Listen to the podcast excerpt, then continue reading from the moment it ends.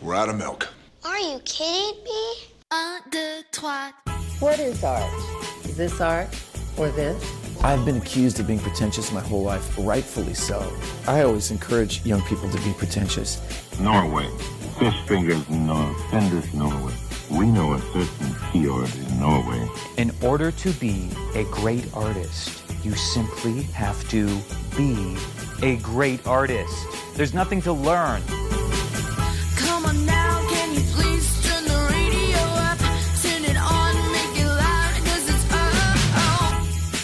Oh. Kultur på studentradioen i Bergen.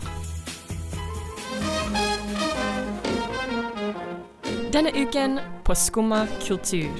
Man driver og eksperimenterer og mikser språk, og så til slutt så er jo målet å skape et helt eget språk som liksom skal fungere gjennom hele boken.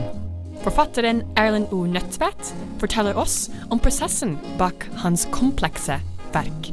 Ja, og Nødtvedt er jo veldig god på det han driver med. Men for balanse vil vi òg snakke med noen som vi ikke synes er så vellykka når de prøver å være intellektuelle i sine verker.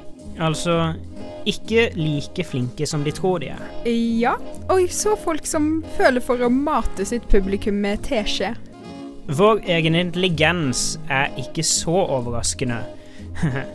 Men hva skjer når man faktisk overrasker seg sjøl med det man skaper? Det skal vi belyse for deg, kjære lytter, under dagens sending. Du hører på Studentradioen i Bergen med Randi Hekkenes Eilertsen, Mikael André Sandøy og meg, Samantha Hatten. Men aller først kjører vi i gang med Hunks and His Punks med Hey Rock. God dag, jeg er regissør David Alrek, og du hører på Skumma kultur på Studentradioen i Bergen.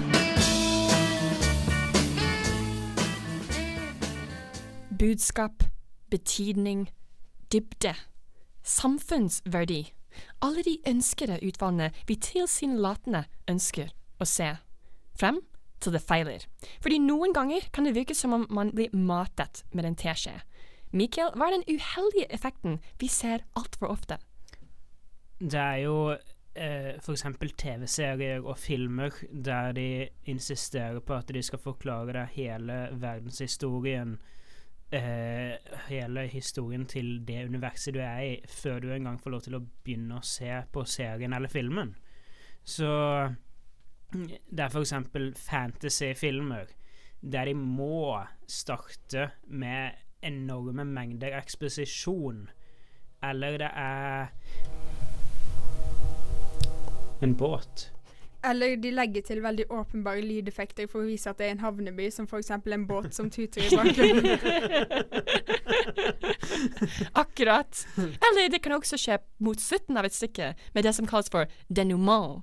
Der man uh, beskriver hva, hva har egentlig skjedd, og man skjønner hele plotten, og ja, hva, hva utfallet er blitt til. Takk for at du forklarte hva det betyr. Jeg tenkte å få en demetesje. Ja, akkurat. Ja, det- og med den riktige franske uttalelsen, Mm. ikke minst. blir det jo viktig å huske på. Fordi det er utrolig irriterende når man tenker liksom Hallo, jeg, jeg skjønner, jeg ser dette her. Men så fortsetter det stykket, eller filmen, eller spillet med, med det bare. Ja, og så blir man sittende der. Det er veldig nedlatende, på en måte. Som det, de antar at vi ikke klarer å tolke noe av det de sier. Og det er også det at det rett og slett noen ganger ødelegger flowen i handlingen totalt. For at du ser frem til det neste momentet i, i handlinga, og istedenfor så setter de deg ned og forklarer en lang greie som egentlig ikke er nødvendig å vite for at du skal se resten av filmen. Eller som du kanskje kunne bare intuert sjøl. I tillegg kan det også skje når uh, de har et tema de vil skildre. Altså det er skikkelig sånn uh, Se på dette her, liksom! Ser du hva vi holdt på med for noe? Uten å si det med ord, da, men at uh, det blir altfor liksom åpenbart og tydelig. Og det blir nesten bare flaut å se på det. Liksom, yeah, yeah, we get it, OK? This is a serious and deep and intellectual piece. Du trenger ikke skryte det høyt liksom med dine kameravinkler og replikkene som der de ser hverandre i bare, bare stillhet og bare blir oppsøkt i øynene til de andre karakterene. Mm. Det er sånn som uh, Call of Duty er jo en uh, noe som vi som spiller spill ville kalt en litt normie spillserie. Uh, og det siste Call of Duty-spillet, det som akkurat kom ut, det er satt i andre verdenskrig. Og eh, Nå kommer jeg til å spoile litt av handlinga, og det bryr Jeg jeg tror meg vi alle veit hvordan andre verdenskrig gikk. Ja, egentlig. Men der, der drar de rundt i forskjellige konsentrasjonsleirer mot siste halvdel av spillet, og veldig mange som har anmeldt det spillet, har snakket om at det er litt over the top. Litt sånn egen vate med teskje. Litt sånn å ja, OK, så det Wow, det var diskriminering under andre verdenskrig. Åpenbaringer. Konsentrasjonsleir under andre verdenskrig. Og det ble brukt som et billig poeng, rett og slett. Og jeg tror det er også noe vi ser at uh, noen ganger så bruker de eksposisjon og overtydelighet som en krykke fordi at det ikke er noen gode historiefortellere. Akkurat. Jeg tror at billig er et veldig godt ord der, fordi det liksom det er nesten for å forsvare et fravær av en ordentlig god historie. Om du må si det så skikkelig direkte for at de kunne forhåpentligvis skjønne det, det er ikke et godt tegn om historien. Mm. Jeg så en oppsetning en gang av eh, Per Gynt, og eh, det var egentlig sikta mot de reiste rundt på ungdomsskoler, annet, vanligvis med stykket. Men det her var da en oppsetning på teaterstedet, og uh, vi var da godt voksne mennesker som så det. Og de prøvde da å trekke tråd mellom innvandringskrisen og Per Gynt, og det gjorde de med veldig åpenbare, bare putta liksom inn litt sånn innvandringshistorier i den reisa som Per Gynt gjør. Og det var kanskje OK, for det var sikta mot tenåringer, og ikke sånn typisk vanlige teaterfolk, så de ville kanskje legge det litt sånn Gjøre det veldig allment forståelig. Men så, på slutten, som om eh, oppsetninga ikke var åpenbar nok, så bestemte de seg for å gjøre en slags forumteatergreie, der de på en måte hoppa ut av rolle og snakka med publikum om hva handlinga var. Oh, og liksom Å, synes dere at uh, na-na-na om innvandring og sånn og sånn? Og det føltes bare Til og med tenåringer kom til å bare Herregud, kunne vi ikke få lov å liksom tolke det her sjøl? Trengte dere å forklare oss det etterpå? Wow. Det tyder på at de ikke har gjort en god nok jobb under teaterfremsyninga, syns jeg. Ja. Og også med tanke på kanskje de tenker sånn Ja, tenåringer, disse unge mennesker, vi må sørge for at de kan få dette med seg. Ja. Liksom. Mm. Folk undervurderer veldig ofte tenåringer, og eh, jeg tror vi liker å på en måte tenke på oss sjøl som veldig dumme tenåringer, fordi at eh, Vi var ganske dumme når vi var unge, men samtidig så er det er det ikke sånn at eh, tenåringer ikke klarer å sette pris på god kunst og godt håndverk? Eh, og litt av poenget med teater er å få de til å tenke, og det ødelegger man jo helt ved å forklare de hva de skal tenke etterpå. Ja, akkurat. Akkurat. Og jeg tror at mange av de, disse problemene handler om at kanskje også til en viss grad at folk tenker at de er mer begavede enn de egentlig er. Og det skal vi faktisk se mer om straks, men før det får vi høre Sky Ferreira med 'Everything Is Embarrassing'.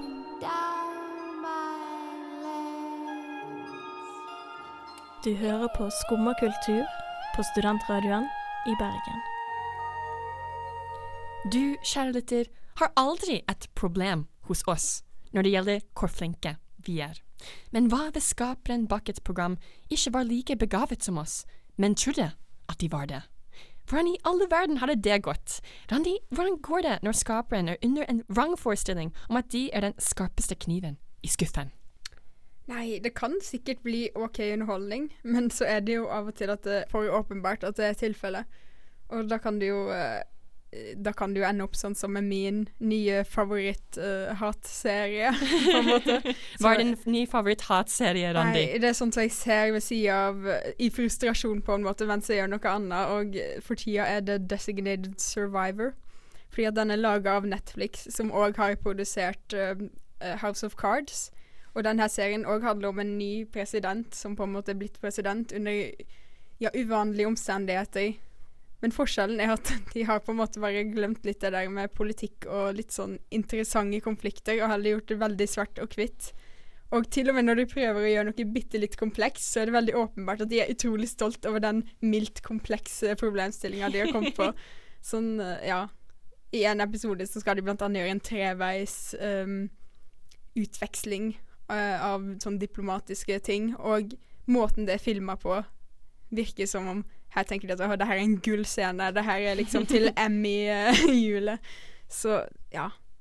Det kan bli litt kleint. Ja, erfarer du det samme i dine uh, medier du, du ser på? Eller har du en lignende hatserie, Mikael, som du tenker bare uff, uff, nei? Jeg har klart å holde meg unna en sånn der eh, veldig spesifikk hatserie i disse dager, som jeg tror liksom Jeg tror en hatserie kan være godt for hodet og dårlig for hodet. Eh, noen ganger er det veldig, veldig gøy å ha noe å hate på. Men eh, jeg merker at eh, jeg ser veldig mye eh, skrekkfilmer for gøy. Eh, og det er veldig mange skrekkfilmer som gjør akkurat det de skal gjøre. Eh, de kommer med handlinger, de kommer med skremming, og hvis de er gode, så kommer de kanskje med noen interessante scener eller poenger som fungerer.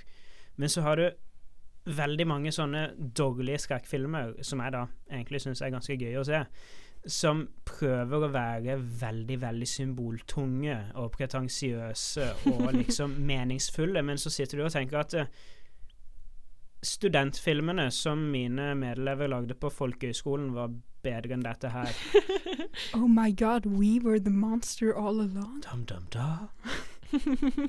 veldig sånn og veldig sånn der eh, Hvis de prøver å på en måte få inn et eller annet sånn eget eh, subplot om på en måte moralske konsekvenser og sånn, så virker det utrolig tafatt, og eh, du tenker liksom at eh, kan ikke bare holde seg til dårlige skremmelsesteknikker istedenfor? Ja, akkurat at de prøver for hardt Ja. til å prøve å være f mye større eller eh, Mm. høyere enn de egentlig kan nå. Som vi skal være de som redefinerer sjangeren. Mm. Ja, akkurat.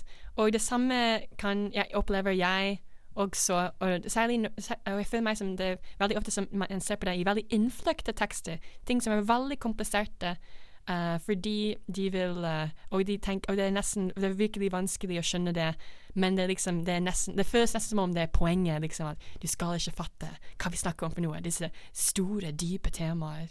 Så uh, Og du kan jo si at jeg er egentlig, som en, på en måte person som har studert teater og sånn, og er veldig fan av postmoderne kunst, så er jeg veldig fan av ideen om at du ikke nødvendigvis alltid skal forstå ting med en gang du ser det, og at du ikke nødvendigvis skal få en mening ut av ting sånn som bare er på overflaten, som er helt åpenbar, men når verket er så dårlig at du ikke engang klarer å få noe ut av det, så har de feila på flere plan. Hvis det er komplisert bare for å være komplisert, er det liksom ikke noe poeng i det. Mm. Ja, akkurat. At de skjuler ting bak, og så kanskje man føler Man kan kanskje føle seg dårlig at man ikke skjønte noen ting, eller man kan være trygg på sin reaksjon og tenke sånn Nei, dette var bare ikke et dårlig, et dårlig stykke. Og de tenker de, at de, de var litt for ambisiøse, kanskje, med akkurat dette verket. Men noen som er ambisiøs, men faktisk får det til, og får det skikkelig til, er forfatteren Erlend O. Nødtvedt. Og han kommer ut med hans første roman den høsten, og vi skal få høre mer om det med ham straks. Men før det trenger vi litt k-pop. Her får du høre 17 med Don't Wanna Cry. Du hører på Skumma kultur på studentradioen i Bergen.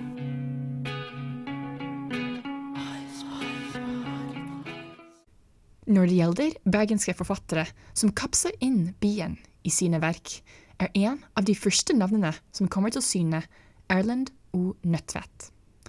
Etter å ha utgitt tre diktsamlinger kommer han ut denne høsten med sin aller første roman, 'Vestlandet'. Jeg fikk prate med Nødtvedt om de språklige vendingene han tar. Nynorsk, bokmål, dialekt og arkaiske skriftspråk har han blandet sammen i hans tekster, der fortiden og nåtiden kan oppfattes parallelt. Det er først og fremst for at når jeg skriver, så holder jeg meg veldig sterkt til tradisjonen. da, Forskjellige typer skrift som allerede ligger der, og leker med det og går inn i forskjellige språklige sammenhenger. Og så er det også et sånn tematisk spor der fortiden og nåtiden liksom eksisterer side om side. At det er noe med fortidens samtidighet som jeg prøver å skrive fram, da. At disse elementene faktisk eh, eksisterer på samme tid, på, gjerne på samme sted også. Så da på den måten blir det naturlig å, å hente fram de forskjellige språkene som, som egentlig ligger der som en slags basis hele tiden, som man skriver ut ifra. Og hvordan er den skriveprosessen for deg, da? Hvordan navigerer du deg å blande så ulike elementer? Da handler det egentlig om å finne opp en stil og en Jeg kaller det for å finne opp en buss. Man driver og eksperimenterer og mikser språk, og så til slutt så skal, er jo målet å skape et helt eget språk som liksom skal fungere gjennom hele boken. Og når man har funnet opp den bussen, det språket, da kan man liksom bruke den til å kjøre gjennom hele verket. Så da har man liksom Når man har stil på plass, så har man det meste på plass, egentlig. Da er det bare til å skrive videre. Men det å komme fram til den stilen, det er det som er vanskelig, og det er det som krever mye eksperimentering og prøving og feiling og stryking og herjing. Men så til slutt så finner man kanskje den tonen man har lett etter, og da, det er da det begynner å bli gøy å skrive. Og du, det er ca. hvert tredje år at du utgir et nytt verk, så hvordan er den prosessen for deg å finne ut det, det språket som du vil med et viss bok? Det er jo det som er den eksperimenterende fasen der man prøver og feiler. Og jeg bruker veldig lang tid på å komme i gang. Jeg bruker, ja, Som du sier, så tar det tre år mellom hver gang jeg får ut en bok. Og jeg kan ikke si at jeg driver og jobber aktivt i tre år. Mye handler om å, å vente, om å lese orientere seg i Og så sakte, men sikkert sikle seg inn, både språklig og tematisk, der man vil, da. Og så er det selve skriveprosessen begynner. og ja, og prøve å jobbe med det og omskrive og eksperimentere, simpelthen. Og så selve skrivingen, når alt er på plass, så er det en veldig konsentrert og nesten raptusaktig prosess, da. Så, skrivingen av selve teksten som blir boken, det skjer ganske fort. Det skjer gjerne det siste halve året. Det er fascinerende. Og når du begynner den raptusaktige perioden, for deg, fra utgangspunktet da er du allerede veldig liksom soleklar over hva du vil egentlig med det verket?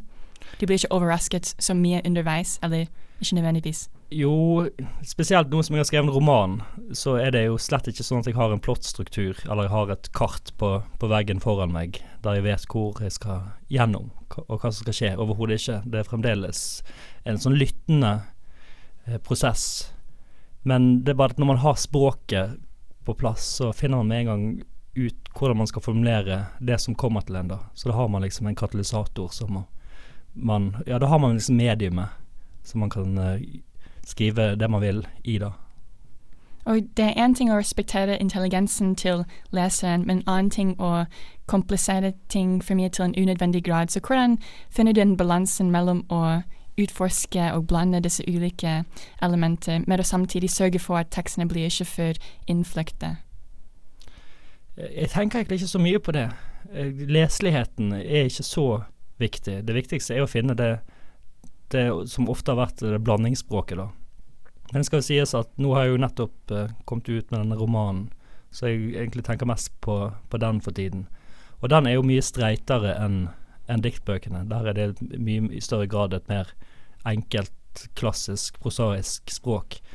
Riktignok med sånn prosalyriske elementer, for det er vanskelig å kvitte seg med poeten i seg, selv om man skriver prosa. Men uh, når jeg tidligere jobbet, så Jeg tror heller ikke det er særlig vanskelig å lese, egentlig, de diktsamlingene mine. Det kreves kanskje litt ekstra arbeid, men det har jo noe med liksom å få senket lesehastigheten for leseren, at det ikke bare skal gli helt lett forbi. For da har det en tendens til å ikke sette seg. Det er veldig interessant. Og i tillegg så holder du på med mye spennende når det gjelder det å opplese og fremføre dine tekster. Du blant annet samarbeidet med musikerne som Sigbjørn Appeland, og har, rett, har hatt samarbeid med Borealis og Nattjazzfestivaler. Så hvordan ser du det, de mulighetene til å utforske opplesningen som form? Jeg har vært veldig opptatt av opplesningen som form, og når jeg skriver, så skri legger jeg veldig vekt på det rytmiske og musikalske, som nesten er en slags hovedhensikt ved i hvert fall de diktsamlingene. Og når det er såpass lydlig og rytmisk, og fokuset er så sterkt på det, så blir det veldig lett å, å samarbeide med musikere, for da er man liksom i det samme landskapet. Jeg har samarbeidet med musikere innenfor virkelig mange forskjellige sjangre, alt fra mer sånn avantgardistisk en avantgardistisk elgitarist som heter Stefan Meidel, til folkemusikere, til eh, Kjetil Møster, saksofonisten, som jo er òg veldig eklektisk i sitt uttrykk. Så jeg syns det er veldig spennende både å lese med musikere, men òg bare det å lese opp eh, i seg sjøl og liksom betrakte det som et eget verk, der kanskje hovedhensikten ikke er å formidle akkurat det som står i boken, men at den opplesningen som skjer der og da, skal, skal være noe eget, da, og skal kunne liksom være et verk i seg sjøl, og der man ikke trenger konteksten som boken utgjør for å få et utbytte av selve opplesningen, da. Det er veldig spennende. Og føler jeg at du kan se på en tekst på en, eller en av dine egne tekster på en annerledes måte etter å ha liksom bearbeidet en opplesning eller fremføring med det? Ja, absolutt. Man kan jo også liksom betrakte teksten som et partitur som man bare tar utgangspunkt i. Og så er det sånn når eh, romerske talere og eh, forfattere, eh, når de jobbet med verkene sine, så leste de veldig ofte opp de tekstene høyt før de var ferdig, for å få respons og for å liksom bare merke hvordan språket ligger i munnen, og det er veldig tydelig hvor det glipper og hvor det liksom hakker når man leser det høyt. Så det er en veldig nyttig måte å ja, og egentlig bare lese gjennom all tekst man skriver høyt. Ekstremt nyttig for å det, det stikker seg ut med en gang hvor det liksom lugger. Har du opplest høyt din roman òg? til deg selv, eksempel? Ja, ganske mye underveis. Liksom, nå har jeg skrevet en halv side, nå har jeg så den kvelden, og så leser jeg det høyt for meg sjøl. Der jeg sitter og skriver, og så ser jeg at dette her høres jo bare dumt ut. Dette her, ordet trengs ikke. Denne setningen er krøkkete. Dette flyter ikke. Så ja, det er en måte å arbeide på, rett og slett. Vi får prate mer med Erlend O. Nødtvedt straks, men aller først skal vi få høre Tammy Terrell med I Can't Go On Without You. I hvilken grad kan man overraske seg selv med det man skaper? Det skal vi se nærmere på senere i sendingen. Men først, vi skal høre mer fra Erlend O. Nødtvedt om skriveprosessen bak hans første roman, 'Vestlandet', og hvordan lesing flettes sammen med det hele. Skriving handler jo veldig mye om lesing. Spesielt eh, på den måten jeg jobber på, der jeg virkelig skriver meg inn i enkelte tradisjoner og forholder meg helt direkte og implisitt til andre forfattere, og skriver min tekst opp imot deres tekst. Så da blir jo lesingen en, en del av skrivearbeidet. Så hvem har inspirert deg med den, den nyeste bok, romanen 'Vestlandet'? Da skriver jeg meg opp mot uh, svært mange vestlandske kunstnere. Ikke bare forfattere, men også malerkunstnere og komponister og musikere. Men de forfatterne jeg spesielt skriver meg opp mot, det er Olav Å. Hauge og Olav Nygaard. Jon Fosse, Rolf Sagen, Ragnar Hovland kanskje. Noen av de liksom store vestnorske kanonene, da. Som både blir en slags språklig og ja, tematisk overbygning i, i romanen, der romanpersonen faktisk møter mange av disse karakterene. Enten om de er er levende eller døde, så opptrår de som personer i romanen.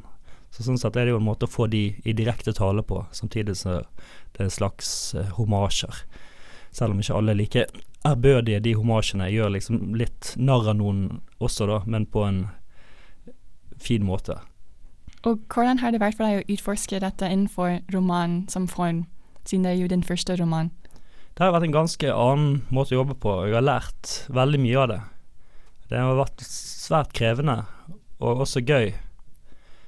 Eh, Men jeg vet faktisk ikke om jeg kommer til å fortsette med å hovedsakelig skrive romaner. Jeg tror kanskje det er et snakk om et lite sidesprang, men det har vært en utrolig nyttig erfaring som jeg har lært veldig mye om når det kommer til det å forholde seg til sånne store tekstmasser og liksom turnere et så stort korpus der ting man gjør på side 7 får konsekvenser for ting på side 97.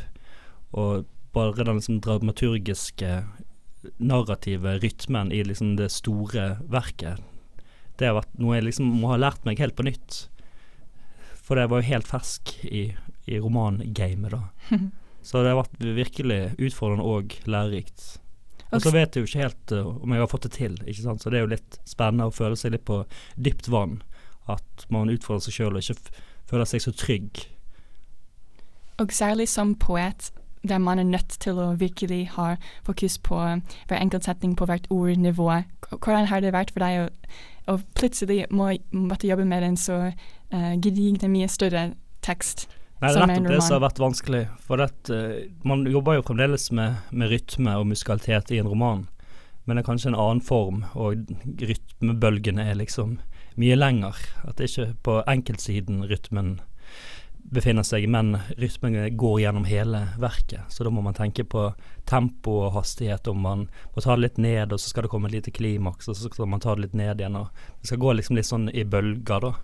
Så den kunnskapen jeg allerede har om, om rytme, og har jo spilt med og ligget der hele tiden, og samtidig så prøver man jo å få hver setning til å bety noe, og ikke være krøkkete. Det skal jo være skikkelig språk samtidig, selv om det er en roman, så er jo målet å ikke få det til å være transportetapper. At det ikke bare er noe som skal, man skal måtte gjennom. og det er det, det er ikke selve fortellingen som er det viktigste fremdeles, det er jo selve språkarbeidet som fremdeles er det mest sentrale.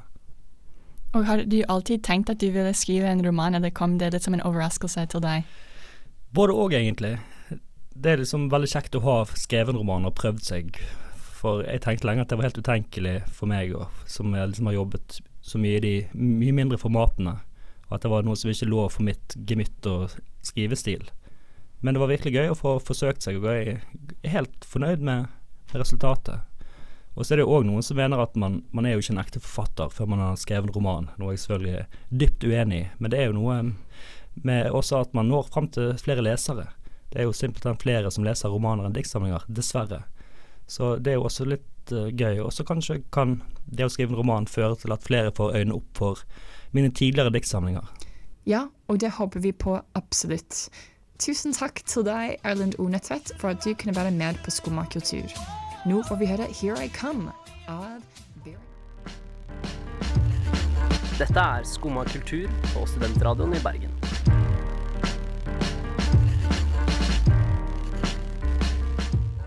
Etter flere diktsamlinger kom Erlend O. Nødtvedt denne høsten ut med sin aller første roman. Nye tider betyr nye retninger, men i hvilken grad kan vi overraske oss selv med det vi skaper? Mikael, har det skjedd med deg, med hva du har holdt på med? Uh, ja, for uh, ganske mange episoder siden så hadde vi et intervju med en uh, venn av oss som heter Simon S. Olsen, om Dungeons Dragons. Og akkurat derfor så skal jeg ikke forklare alt om hva det er helt nå, men det er et rollespill man spiller med andre, der man finner på ting sammen. Og i Dungeons Dragons så er det veldig lett å bli overraska over handlingene man skaper, og øyeblikkene man skaper, for at uh, noen ganger så blir ting veldig mye morsommere enn man tror, Uh, med de historiene man forteller, og noen Sånn som sånne setninger. Og noen ganger så blir ting eh, veldig mye mer dramatiske enn man tror. Eh, så for mange år siden, når jeg bodde i Oslo, så spilte jeg et rollespill med noen venner som, der vi var en gjeng med varulver i London. Eh, Som man og- gjør. Som man gjør. Og der måtte vi ta vare på territoriet vårt og eh, jage ut fremmede arter og andre varulver. Em, og på slutten av en sånn eh, session med rollespilling, eh, så husker jeg det at eh, eh, de fleste som var med i det spillet, som også bodde i huset vi bodde i, eh, enten hadde gått inn på rommet sitt fordi at de var lei seg, eller satt i stua og grein, eller generelt sett bare var utrolig bedrøva. Fordi at vi hadde klart å skape eh, noen øyeblikk i dette spillet som virkelig gikk inn på oss, og virkelig på en måte eh, sa noe om disse karakterene som vi hadde skapt, og som vi hadde spilt i flere måneder. Ja, for det høres ut som et litt sånn veldig fantasifullt, morsom, uh, morsomt plott med varulver i London. Jeg vet ikke, Det er ikke sånn jeg tenker oi, det her blir en rørende historie. Uh, det er ikke rørende i det hele tatt. Det ble knusende deprimerende. oh, såpass. Ja. Men også at man ikke kan forutsi fra starten av. Sant? Eh, At man går inn i noe for å se hva det kan utvikle seg til. Men det er veldig interessant alle de ulike retninger som plutselig kan tas, så man blir forbauset, eller man blir tenk, tenker i etterkant sånn wow, liksom, hvordan Jeg hadde aldri gjettet dette eller forutsett det på forhånd. Så eh, det samme skjer med meg når jeg skriver noen ganger. For eksempel med slam poesi. Det er blant alle de tekstene jeg skriver, det er egentlig det som jeg føler meg skikkelig at jeg må være rett opp i inspirasjon for å kunne gjøre det. Hm. Det minner litt om faktisk Jeg skrev en tentamen en gang på ungdomsskolen i 10. klasse. Og eh, jeg begynte bare å skrive om det jeg så på i klasserommet, fordi at de tvang oss til å sitte en time i klasserommet før vi begynte å skrive på PC. Og jeg ante ikke hva jeg skulle skrive om, så jeg begynte å skrive om alle tingene hun som satt foran meg, begynte å gjøre. Og så innså jeg at jeg må jo faktisk ha en handling i det her, så jeg endte opp med at alle klikka og begynte å hive rundt ting og dra på læreren og gikk hjem. Og det er den eneste tentamen jeg har fått sekser på. Wow. Det er ikke en dum måte å jobbe på, altså. Nei. China Mieville, sci-fi-forfatteren, han planlegger å ha skikkelig mange Post-it-notater og virkelig går dypt inn i hvordan romanene hans skal se ut. Og det kunne jeg aldri se for meg selv. Jeg føler meg som Hvis jeg, jeg hadde gjort det, så hadde det kanskje Jeg hadde følt meg som jeg, jeg at uh, kanskje publikum hadde også gjettet hvilken retning en uh, ting hadde gått inn i. Jeg, liker den følelsen av å bli overrasket med meg selv. Og det er jo noe som er veldig forskjellig fra forfatter til forfatter. Uh, det er mange forfattere der ute som vil si det at det er den beste måten å jobbe på, og de vil jo sannsynligvis også si det at det er i hvert fall den beste måten for de å jobbe på, er å planlegge hele handlinga. Eh, på en måte eh, skrive et lite sammendrag for hvert eneste kapittel før du faktisk begynner å skrive boka. Men, Mm. Og det er en metode jeg har prøvd når jeg har skrevet, men jeg syns ikke det funker så bra. Det må man jo gjøre hvis man har eh, Det virker veldig krevende for folk som skriver tegneserier eller film, som å lage et helt storyboard på forhånd der de skal vite absolutt alt som skal skje. Eller så på en måte plutselig innser de at de har mista noe kritisk, og de kanskje bare går tilbake og redigerer på det. Ja, eller filmskaping for den saks Ja. skyld. Så det, ja. Også, også interessant å tenke på i hvilken grad man kan overraske seg selv med å prøve noe helt annet enn det man, man har opprinnelig jobbet i. Så um, jeg hadde ikke tenkt før at jeg skulle kunne skrive et skuespill selv. Men nå har det skjedd, og nå tenker jeg sånn Å ja, nå har jeg gjort det. For du, var ikke du veldig sånn der inn- inne i sånn politikk heller og sånn, da du var yngre? Ja, jeg var med, veldig aktiv der og i debatt og sånn modell-FN og organiserte konferanser og sånne slags ting gjorde jeg. Men nå er jeg på et kulturprogram i Bergen. Plutselig fant du kunsten. Og Ja, jeg fant kunsten i livet. Og vil, skal, nå skal jeg formidle det, og forhåpentligvis er jeg ikke mat, Jeg mater ikke folk med teskje. Det hadde bare blitt dumt. Så, men ja, uansett kan man overraske seg selv. Og vet du hva, kjære lytter, du er inn for en overraskelse nå. Men uh, vi må høre en låt til før vi går inn med i det. Nå får du høre Akshmay Kumar og Karina Kapoor med Om Mangalam. Og telefonnummeret som er 815-493-00. Da setter vi over til Skumma kultur på studentradioen i Bergen.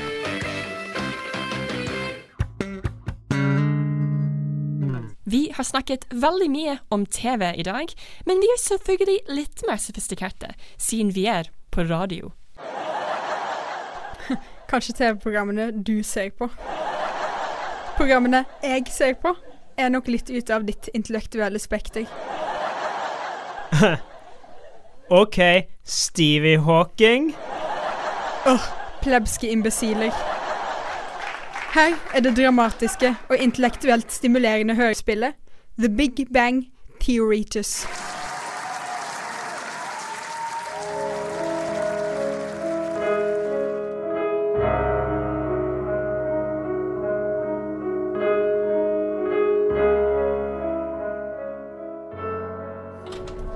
Leonard, can you drive me to work? Yeah, sure. Oh, hey, the guys and I were talking about going to see the Tesla coil at the observatory later on if you want to join. Oh, I'm sorry I can't. I'm busy. Why, what are you doing? Leonard, what, what are you doing? You said you can't go. Make a sad face. Move on. It's fine. I couldn't tell you even if I wanted to. What does that mean? Leonard, sad face. I just can't, you know, because it's classified and top secret. Hold on, are you still working for the military? I'm so glad you figured that out. It was killing me keeping it a secret. I thought they fired you guys. They did, but then they hired me back. You better not be working on our project because we're a team. Leonard, there is no I in team. However, there is an I in I'm working with the military and you're not.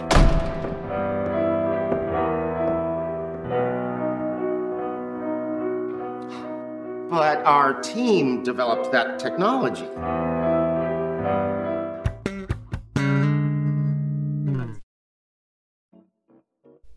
Det var alt vi rakk denne uken her på Skumma kultur. Altså, vi har gått tom for tid. Bare for å gjøre det tydelig for deg, kjære lytter.